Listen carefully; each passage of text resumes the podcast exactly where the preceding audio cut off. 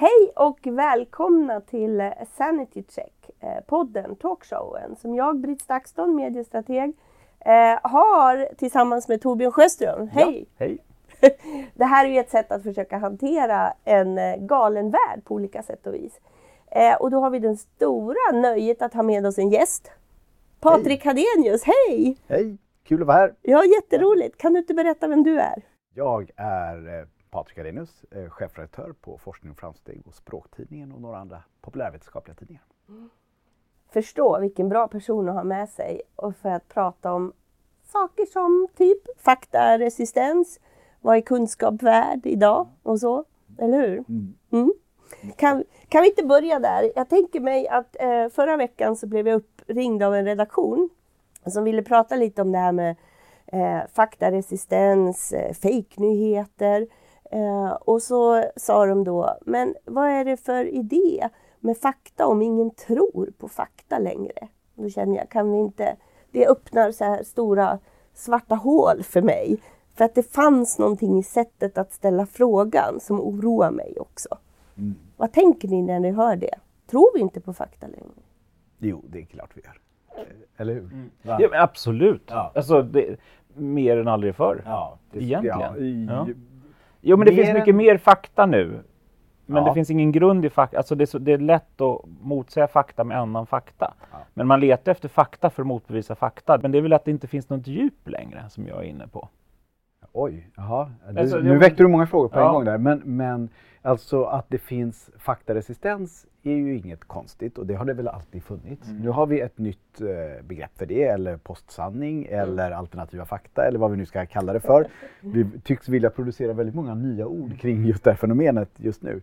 Det fenomenet är ju inte nytt och, och jag tror att, att du har rätt i att det kanske till och med är så att vi är vi har mer fakta, mer uppgifter, vi, vi kan mer om världen än vad vi någonsin har kunnat. Vi, vi kan mm. analysera den bättre än vad vi någonsin har kunnat. Vi har verktyg för det.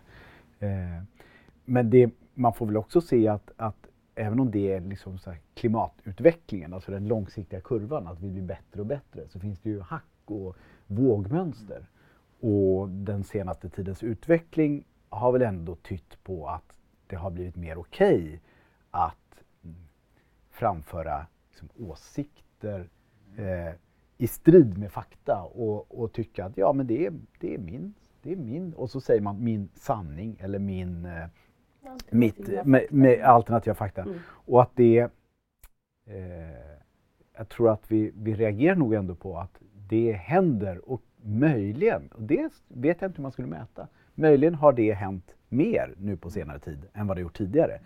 Det betyder ju inte att vi inte tror på fakta eller att ingen gör det eller så. För att de allra flesta lyssnar väl på fakta. Ja, men och jag tror att det som har hänt är ju nyhetsvärderingen av fakta. Där, där, där vi har gått mer och mer från att ha debatter där man faktiskt fakta ställs mot åsikter. Och det här är ju, tycker jag, en väldigt tydlig trend under de senaste åren i Sverige, men det har varit, pågått mycket längre internationellt sett. Där, där man faktiskt jobbar mer med åsikter mm. eh, och, och, och, och, man har en selektiv bedömning av fakta i, i nyhetsvärderingen som säger, ja men vissa tycker så här och då kommer vi in på den falska balansen. Mm. Det räcker med, med, en, en som inte håller emot den kollektiva. Ja, det. Och, och, det mm. underminerar ju värderingen hos oss tittare av fakta och att vi hamnar i läge där, ja men vadå? Mm. Det är bara en åsikt. Och det, och det, drabbar, det drabbar ju oss som jobbar med populärvetenskap, den här falska värderingen hela tiden. Att, att hur ska man när man ska diskutera klimatfrågan till exempel, när, när det finns väldigt många som har eh, fakta som stödjer att eh, utvecklingen är på väg till visst håll. Och sen finns det forskare som har alternativa mm. eh, fakta faktiskt, som har andra alternativa modeller och sådär. Sen finns det ju galningar också, men mm. det finns ju eh, några få som, som försöker liksom, eh, punktera det där. Hur mycket utrymme ska man ge de mm. personerna och, eller den forskningen mm. när den troligen är, kommer visa sig vara felaktig mm. och och sådär. Samtidigt som all forskning går ut på att vi måste våga ifrågasätta, vi måste våga pröva. Exakt. Men, och, men, och, men är inte det här också en krock genom faktiskt forskningsvärlden som ju faktiskt går ut på att man egentligen inte vet Alltså man vill hitta luckor i sitt resonemang. Sen har vi en, en, en mer kategorisk mediebevakning. Eh, där så, nu har vi upptäckt, eh, det här kan ge oss evigt liv. Första, ja. Ja, jo, ja. men ja. det viktiga ordet är kan. Ja, men, men det, ja. Men jag tror, där målar du upp en bild av att medierna eh, har blivit eh, mer kategoriska. Det tror jag inte. Jag tror tvärtom att även där så har vetenskapsjournalistiken utvecklats mm. och att medierna eh, några gånger har gått i fällan. Vi har haft mm. chipslarm och alla möjliga mm. eh, vaccinlarm och sånt där. Eh, men de är ganska få och jag tror också att de blir färre faktiskt. För att mm. Eh, eh, även om vi har färre journalister generellt mm. sett så har vi faktiskt ganska många bra vetenskapsjournalister mm. som verkar och som gör att vi ser mindre av det. Jag tycker att vi ser mindre av den här typen av problem, även om den fortfarande mm. existerar. Men, men, och jag tror att den har gått från vetenskaps... Alltså mm. det är inte inom vetenskapsjournalistiken, utan jag menar i, i, i dag, dag, daglig nyhetsrapportering.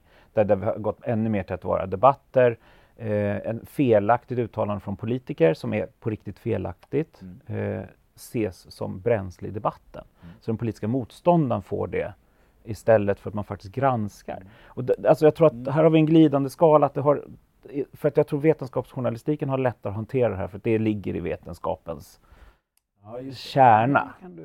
Ja. Men att det har gått över till... Och det kan man ju reta sig på när man ser de här debatterna, mm. den här debattglädjen. Mm. Och det svåra där är ju att samtidigt fånga upp det, för det är klart att vi älskar ju debatter mm. och, vi är, och vi vill ju höra politikernas eh, liksom, syn på de här målkonflikt, målkonflikterna som mm. uppstår. Alltså man mm. vill ju ändå, om vi har de här fakta, så här ser det ut i världen och nu måste vi välja här vad vi ska göra. Det, det finns ju, kan ju finnas argument för att bete sig åt det ena eller andra hållet och då vill vi ju ha den debatten. Men Precis. Men, men nu är ju debatten kring felaktig fakta. Alltså för att där ser jag ju att debatten, mm. alltså man kan debattera grovt felaktiga påståenden. Mm. Istället för att, men varför, där vi har amerikansk, USAs president som typexemplet, att han kan säga, man kan säga vad som helst, så måste motståndaren svara istället för att, men vänta, det här är faktiskt fel. Det spelar ingen roll vad man tycker. Men han försöker lösa problem som inte finns och det hade vi faktiskt i valrörelsen i Sverige också. Att man målade upp en bild av ett samhälle som håller på att gå sönder. Mm. Eh, man förstorade problemen. Man antog att politiken man hade skulle lösa problemen fast man hade inte lösningen i politiken. Och då var förtroendet som skulle lösa den.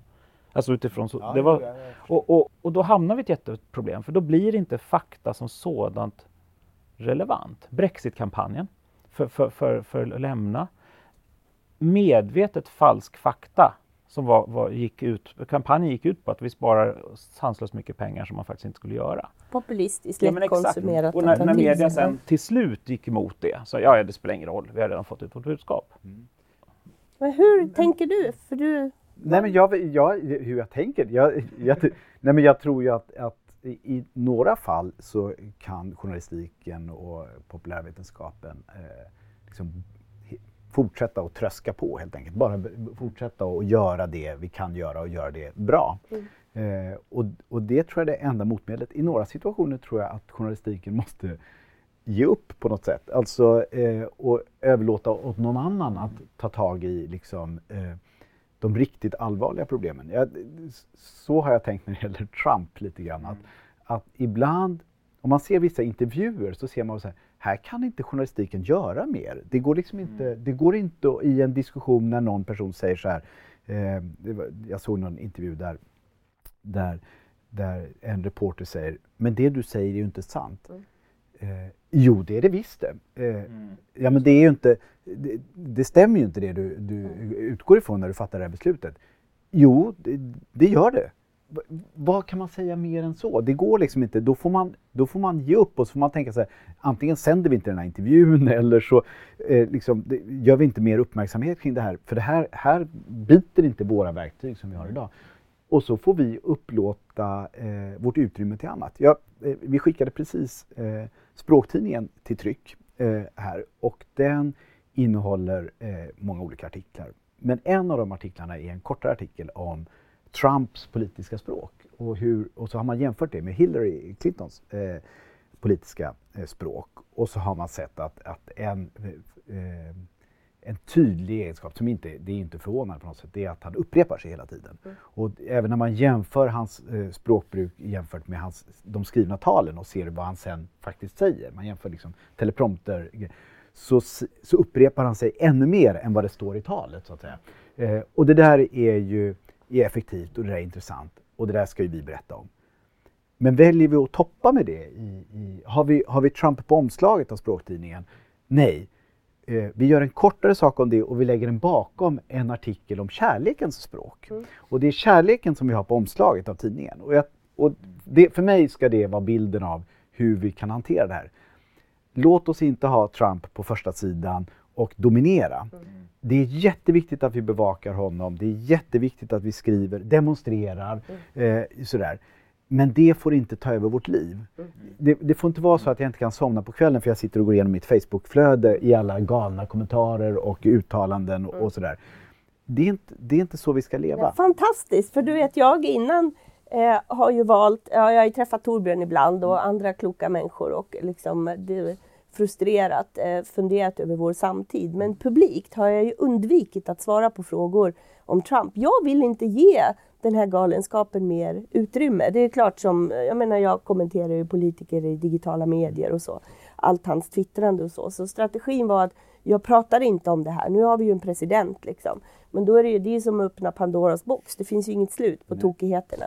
Så det här är ju otroligt eh, hoppfull. Eh, så ja. du, du delar, det var liksom eh, en, en bra strategi kan vara att göra så helt enkelt. Och då är vi tillbaka till det du började med, nämligen när SVT ringer dig mm. och mm. vill ha med dig för att diskutera eh, faktaresistens. Mm. Man kan ju några gånger välja att ta debatten, så att mm. säga, och dyka upp och säga men några gånger kan man säga så nej men jag tycker inte det är värt att ta den där diskussionen. Mm. Och, och, om vi är tillräckligt många som liksom inte tar diskussionen eh, för att den ibland blir bara, blåser upp ett fenomen som vi kanske tycker är överdrivet uppblåst. Mm. För, men nu vill jag verkligen grotta vidare lite ja. i det där du sa om eh, att de journalistiska verktygen inte räcker till. Jag tycker också det är väldigt hoppfullt för då för jag känner att det är nog väldigt många som blir förlamade. Journalistiken letar efter vad det är för verktyg vi ska göra för att få människor att förstå att han ljuger. Liksom. Och så hamnar man i den här eh, diskussionen. Eh, politiker tror jag är helt handfallna och funderar på, ska vi förpacka våra budskap på liknande sätt? Eh, och forskarna, är de aktiva? Är de bra på att komma ut och berätta det de faktiskt vet? Eh, hur har du tänkt vidare eftersom du har tänkt den tanken? Hur ska man då göra? Vad är det de parallella instanserna som hellre borde agera i det läget? När journalistiken helt uppenbart de kanske verkligen ska lägga ner den intervjun då? Ja, men det, jag tror att det finns två linjer och, vi, och, och, vi, kan, vi kan inte välja den ena eller den andra utan vi måste gå på båda mm. linjerna. Det, är det, det, det hänger ihop med det jag sa tidigare. Jag tror att vi både måste eh, fortsätta med precis det vi har gjort och utvecklat och, och som vi var inne på, liksom, det har blivit allt bättre på. Eh, liksom att bevaka, skriva, att hantera de här svåra balansfrågorna och skriva med de verktyg som vi har. Pålästa, liksom, eh, ställa kunniga frågor, inte vara alltför laddade i våra frågor utan låta liksom, laddningen ligga i, i vad någon uttalar sig och, sådär. Det, det är det ena. Eh, men det andra är också eh, att liksom välja bort saker. Att liksom, eh, journalistik handlar ju faktiskt också om att rikta sökarljuset på olika fenomen och olika saker. Och, och, jag tror att vi kan bli bättre på att fokusera på, på alternativa saker. Där har väl Blank Spot Project ett, jag menar, det är ett tydligt sånt eh, initiativ för att rikta sökarljuset på andra saker som vi kanske inte ser. Och det tror jag att det kan vi bli mycket bättre på. Mm. Eh, liksom att eh, eh, kanske inte prata så mycket om eh, vad en viss president vill och inte vill utan hur ser landet ut där presidenten verkar och vad fungerar där och vad tycker folk där? Och, alltså, mm. Rikta om sökarljuset lite. När det känns som att man ser framför sig en demokratisk process vittra sönder så kanske det är viktigt att faktiskt titta på, är det så också? Mm. Eller är det den här ytan? Och, och, hur mycket finns det som backar upp, som faktiskt kan säkerställa hur mycket? Det, det har man ju saknat överhuvudtaget. Att man, eh, de här utspelen som görs, eh, hur mycket, hur mycket makt har han egentligen? Hur, hur är konstitutionen byggd för att säkra ett förfall? Till exempel. Väldigt hoppfullt tyckte jag. En liten, liten sån glimt. Eh, Erika Bjärström i Agenda, om det var i söndags eller förra mm. eh, söndagen, eh, som just sa det. Vi får inte glömma att eh, liksom, det finns maktdelning och det finns liksom motkrafter och det finns liksom det eh, ja, att, att man liksom synar det där systemet och funderar snarare än att bli... Eh, ja, det kan vara ett sätt ut ur förlamningen, tror jag. Mm. Ja men verkligen. Mm. Och jag, jag, tror också, var, jag tror efterfrågade och, och jag tror Kit kanske skrev någonting också, men vad är egentligen en executive order och hur långt kan man gå? För att, för att det, det är där vi börjar, där vänds det upp och ner. Jag var ändå och följde valet där och pratade med tankesmedjor och experter på Högsta domstolen, men ingen pratade om att makten var så oändlig för presidenten som den verkar vara nu. Och det är där det blev en fullständig krock för mig. I och med att vi har ändå eh, tre nivåer. Um, men jag, tänk, jag tänkte på det du sa just om, om att, att, filtrera, för det, där har vi varit inne på innan också, att ett tweet är inte en nyhet. Och det, det är här man har trillat rakt genom hela vägen och precis gjort det här du säger att man måste backa bort från. Och jag tror det har varit en viktig ingrediens i varför populistiska ledare har kunnat ta så mycket plats. För de, säger, de, de biter hela tiden hunden, om man mm. säger så. Ja. Och varenda gång de biter hunden är en nyhet. Ja. Och det borde det inte vara. Men det är för lätt. Mm. Det, det, och det blir ett flockbeteende, att man tävlar om att inte missa den här saftiga nyheten istället för att kanske backa tillbaka och börja skriva sam beskriva samhället lite mer. För det är det vi saknar nu. Mm, det håller jag Samtidigt som vi ju förstås, och det är det där som är den där jättesvåra balansen eh, som vi pratade också om när det gällde debatten och ska man ta debatten och ska man eh, man kan reta sig över att det liksom är så, att det är många ytliga debatter som inte är faktagrundade. Samtidigt som vi ju älskar det. Mm. Och vi älskar de här tweeten och, mm. och de är ju liksom också vi måste ju fortfarande beröra, för om det är någonting som journalistiken också har utvecklats inom, det är ju förmågan att förstå, få oss att förstå mm. fakta genom att beröra oss. Så att vi måste samtidigt fånga upp mm. några av de här mm. tweetsen. Så det, det går inte heller att säga så här, vi, vi stänger ute den där världen. Eller, eller liksom, Nej, men man får väl det är balansen, på, ja, det är balansen ja. hela tiden tror jag. För att få den här kurvan som sakta ska fortsätta gå uppåt och så mm. säger, om vi nu upplever att det är ett litet hack neråt mm för att komma tillbaka igen så är det väl Precis. balansen. Gud vilket lagom tråkigt svenskt svar. Ja, men, men... Jo men det är helt rätt. Alltså, men det, jag tror att det är där digitaliseringen eller medias digitalisering har gjort att man tappat möjligheten till perspektiv för att ens kunna se balansen. För jag tror inte man tycker att man styr balansen längre. Alltså då tänker jag på, på, eh, på kvällstidningar och, och, och, och morgontidningar. Att man känner att det är inte vi som styr det här längre utan det är läsaren. Eh, och det som funkar är ett tweet. Mm. För man mäter det på ett sätt som egentligen inte är relevant. För man, läser man mäter det på interaktivitet, inte vad man faktiskt vill ta till sig. Men då finns det ju en jätteskön motkraft i till exempel när, när eh, Wolodarski går ut och berättar att det de ser i sina mm. läsarstudier nu är liksom att klickfrekvens ja, kort, kort, kort, kortsiktigt eh, mm. så, så kan ju det löna sig. Men, men det, är det, det är den långa läsningen, det är fördjupade mm. läsningen. Det är den som faktiskt är lönsam för dem att publicera. Det är den som eh, eh, fler och fler mm. efterfrågar. Det är faktiskt det som även yngre läsare efterfrågar.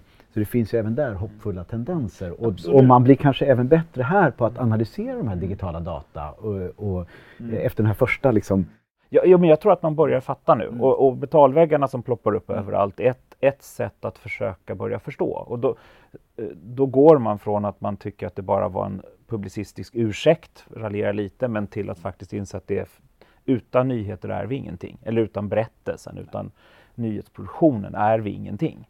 För då kan lika gärna Google ta över vår verksamhet. Men där har man krockat i alldeles för många år. Men det är jättebra att man faktiskt vågar vända nu. Och jag är också väldigt hoppfull till det. Men man kommer gå i fällan tio gånger till minst. Absolut. Men att man börjar försöka gå baklänges. Mm. Alltså utifrån mm. det, är inte, det är inte klicken som är mm. grejen utan försöka förstå läsaren. Och det har man ju inte. Jag upplever ju inte att man har gjort det. De anlitar inte oss tillräckligt mycket. det var, är det slutklämmen eller? Ja, det är alltid slutklämmen. Nej, det är det inte. Men, men, det, men det är ju det vi jobbar med. Det är ju det enda vi egentligen gör. Försöka få våra kunder att förstå alltså, sin slutkund. Mm. Eh. Men jag måste eh, fråga Patrik en annan sak när vi ändå har dig och eh, här. Och det är ju det här hur kan, man, kan, man, kan vi våga lita på att faktiskt människor är smartare än vad vi tror? Att man faktiskt kan läsa den här tweeten och leta efter fler perspektiv samtidigt. Hur, ser, hur bygger man det här? Är det så? Det, mitt jättetråkiga svar på det är att folk är som eh, människor är mest. Det vill säga några är smarta, några är dumma och, några är, och vi är olika i olika stadier ja. av livet och, och sådär. Eh, visst ska vi lita på människors eh, liksom, eh, förnuft och begåvning och sådär. Eh, men vi kan inte bara göra det. Utan vi måste hjälpa dem på traven ja. också. alltså vi, må, vi måste ju både ge läsare och tittare och, och lyssnare vad de vill ha och önskar och efterfrågar och sådär. Men vi måste också eh, tänka själva och producera saker som vi tror på och som vi eh, både saker som vi gillar och går igång på och berörs av men också saker som, som vi kanske anser att nej, men det, här, det här är svårt att beröra med men det är oerhört viktigt och det här måste vi gå ut med. Och då, så man både litar på så att säga eh, liksom läsarens eh, förmåga men också litar till sin egen förmåga. Eh, eller hur? Att, att ha en eh, att eh, vi som redaktion till exempel har faktiskt en, en kunskap som läsaren, hur begåvad och, och sådär den än är, kanske inte har all bakgrundsfakta för att kunna mm. avgöra. Det kan vi göra och alltså ska vi eh, trycka det här eller skriva det här eller berätta om det här. Men vi kan inte bara göra det. För då blir vi ju inte lästa, liksom. då blir vi inte tittade på. Så vi måste ju också lyssna på, eller fundera på, och det är ju det du kommer in på, att förstå läsaren och tittaren och sådär. Men vi kan, det går inte bara att gå på det, utan vi måste också förstå oss själva. Sådär. Så att jag tror, ja det var ju ett jättelångt svar. Ja, fast, men jag tror du har helt rätt, för, för att du, du, jag tror att det är där man har gått lite fel. Att man, och att bevakningen av Trump var sån att om vi lägger ut honom i, i rampljuset så får, får tittaren, läsaren själv avgöra att han är tokig. Mm. Eh, men då har man det läsaren gör är att man faktiskt litar på redaktionens förmåga att filtrera. Så att säger han någonting där så måste det finnas någon sanning för annars är det ingen nyhet. Det är ju det ena. Eh, så man legitimerar ett, ett mycket värre beteende än man kanske borde ha gjort. För att, för att förtroendet finns fortfarande kvar hos mediehusen. Mm. Trot eller ej. Liksom. Jo, nej, men det gör det ju absolut. Ja. Visst gör det det. Och, och, och sen den andra delen är också att vi bryr oss inte alltid att kolla. Vi vill inte dubbelkolla allting vi läser. Och, och, och, och då blir det också att, jag, att man, har man en blind till, men det är ju det du är helt inne på. Att även om vi kan så orkar vi inte varje gång. Och, och, då kan man inte heller bara skicka över det på läsaren för det är inte det vi betalar nyhetsproducenten för. Det, då kan vi lika gärna bara följa Twitter. Mm. Nej men det har du helt rätt ja, ehm, Men jag tror att man har gått fel. Ja men, ja, precis. Ja, precis. Jo nej men visst är det så. Det... Men den tid vi lever i den ställer ju krav på det sättet att det val som ni gjorde att eh, sätta kärleksbudskapet på ja. omslaget. Eh, det är ju inte så många som hade gjort. Eh, för att det, just för att det hittills säljer jättebra om du har Hitler eller Trump på omslagen. Det säljer fortfarande bra. Liksom. Så att, eh, det här eh, finner jag väldigt eh, inspirerande, att våga bryta mönster och att göra det.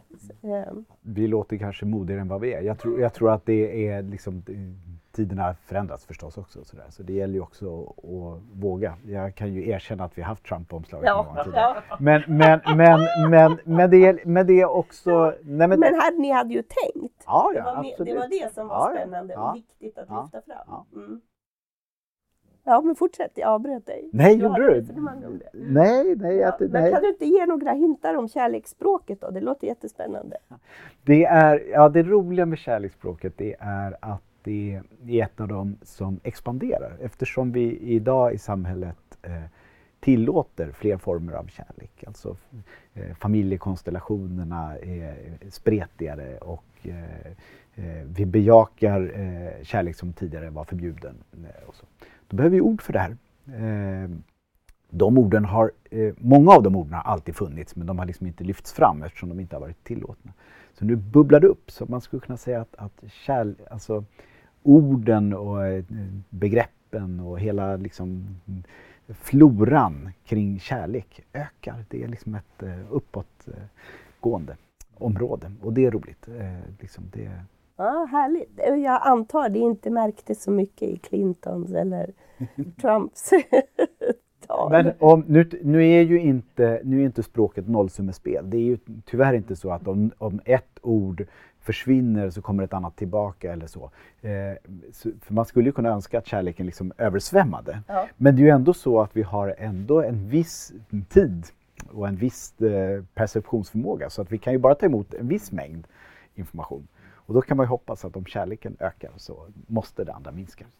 Ja. Det kan vi väl hoppas. Eller hur, eller hur. Men jag tycker också att det låter som att om du hade fått det här samtalet om eh, fakta vad är den värd eh, när ingen bryr sig om fakta? Så hade du känt att det är en ganska eh, hoppfull tid vi lever i eftersom du eh, dagligdags jobbar med precis det. Ja, det hade jag. Jag, hade, jag är ju linslus också. Jag ja. kom hit och sitter ja, här ja. och jag hade kanske också åkt till tv-studion och tänkt att jag... Så att jag är imponerad av att du tackar nej. För jag tycker, det kan jag lära mig något av faktiskt. Mm. Att man ibland ska man bara fundera på nej. Ja. Men du var ju den som kom hit med det kloka.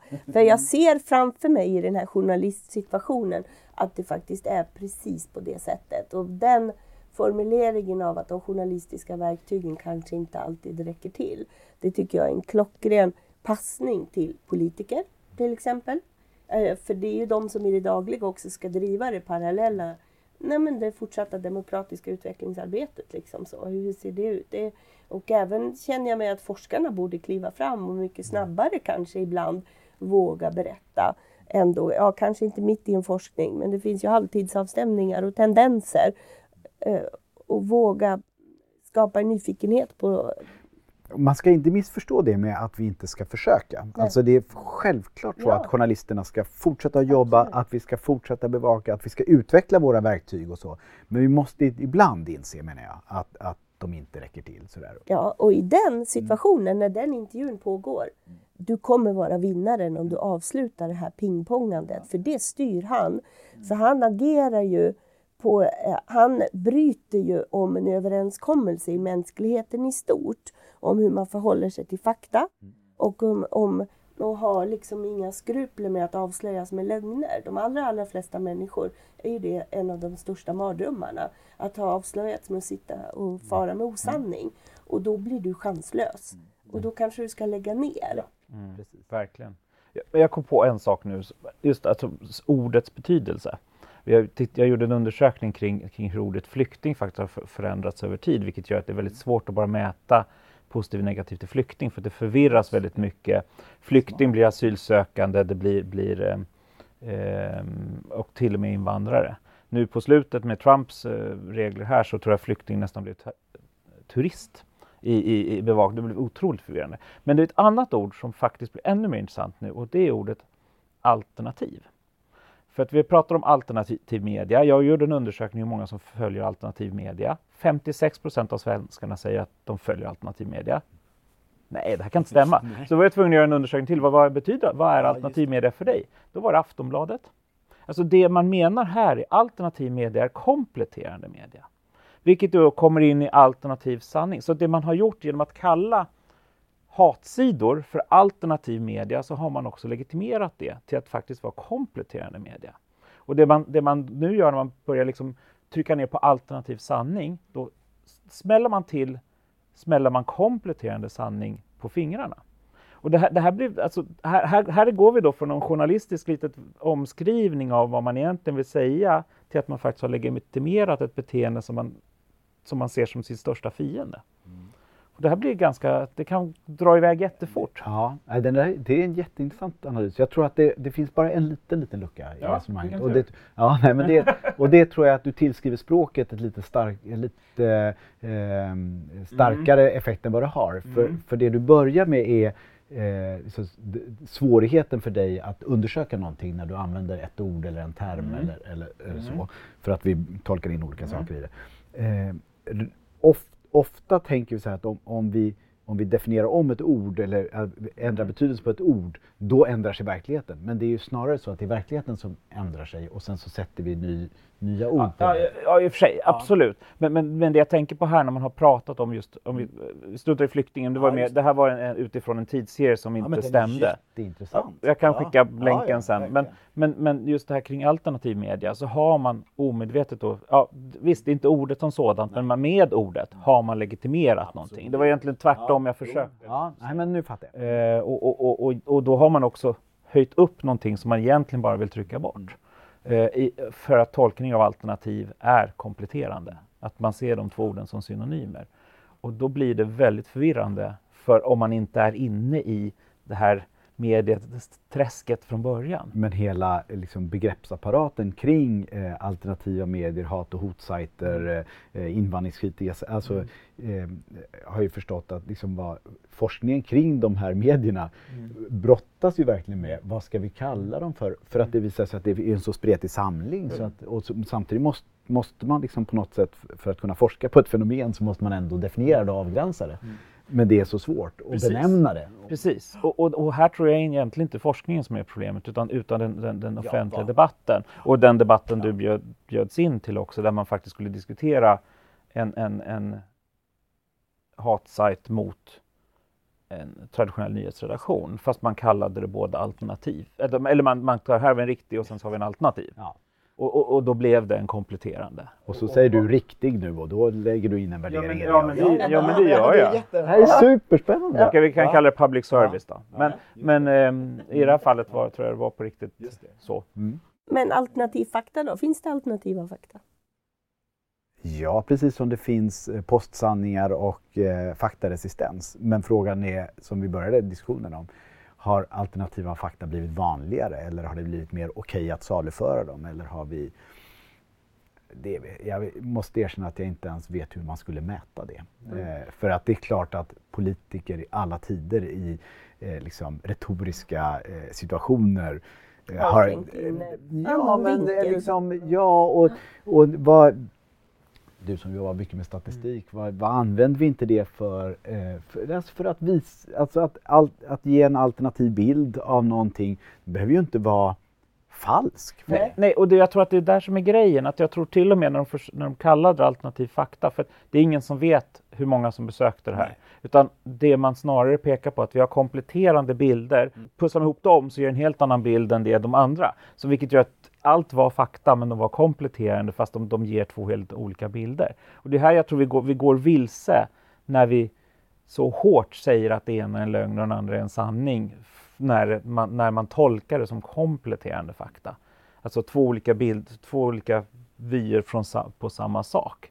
Och, och, det har ju snurrat rätt många bilder på att en, en, en cylinder från ett håll ser ut som en fyrkant och det andra ser ut som en, en cirkel. Båda, båda stämmer ju, men det är ju båda alternativa fakta. Alltså det, det, är väldigt svårt där med perspektiv, men det är också väldigt svårt när vi blir så kategoriska då. Ja. Då går vi ännu mer i fällan. När lyssnaren nu ser... Nu fortsätter vi att gå i fällan genom ja, att vet. prata om det ännu men, mer. Precis, men det enda jag försöker säga är att alternativ ska man tolka som kompletterande.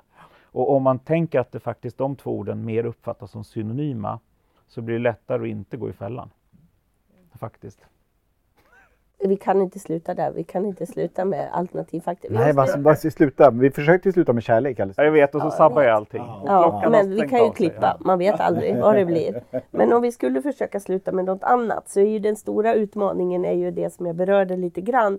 Är ju hur snabbfotad vågar forskningen vara? Det där måste väl du ha funderat mycket över som så här regelbundet publicerar eh, populär, populärvetenskap. Mm, hur snabbfota, hur menar du? Alltså, vad... alltså när vågar man kommentera ett forskningsprojekt som har pågått i sex år? Sen händer något som knyter an till det som man vet ganska mycket om, men formellt sett är inte forskningen avslutad än. Min erfarenhet är att pekar man på forskaren i frågan så kommer han inte vara så sugen på att kommentera något innan allt är publicerat. Men i den tid vi lever där det finns ett stort sug över att jag kanske kan få någon hint om vad som har hänt under de här fem åren i alla fall vore väldigt relevant. Det är, jag skulle säga att, att det är väldigt olika. Dels så upplever jag att eh, forskare generellt sett har blivit bättre och bättre på att uttala sig. Det är lite olika olika discipliner och eh, inom olika områden och sådär. Eh, och forskare har också blivit bättre tycker jag på att just eh, säga, förklara just det du säger, nämligen att vi har ett pågående forskningsprojekt det, eh, där har vi resultat som tyder på, men de är ännu inte publicerade och de är inte granskade, men mycket talar för att eller, eller min känsla är att eller något sånt där. Så kan man uttrycka sig och, och sen kan man sen när man väl har publicerat, när publiceringen är granskad och så, då kan man säga att nu, nu, nu har vi den här första publiceringen. Men där finns det ju också ytterligare, för, bara för att ett projekt har kommit fram till en sak en gång. Det måste ju återreproduceras eh, och först Alltså vad man inom vetenskapsjournalistiken brukar säga är ju liksom första publiceringen det är ju liksom en indikation på att här finns det något intressant att studera vidare. Mm. Först när man har liksom eh, kollat det ett antal gånger, försökt upprepa det experimentet och gjort det och sett att ja, men det här verkar eh, stabilt. Det är egentligen då vi vet något. Att säga. Och, och jag tror att eh, läsarna, lyssnarna, tittarna, de kan hänga med i den där processen. De kan få reda på att nu har vi startat ett forskningsprojekt för att studera någonting. Redan det är ju intressant. Varför sätter vi ögonen på det här? Och sen, nu har vi kommit en bit på vägen. Eh, det här är ännu inte publicerat, men vi ser det här. Och så, så det går ju att följa med i det där, men man måste vara noga hela vägen eh, och liksom berätta var i processen man befinner sig.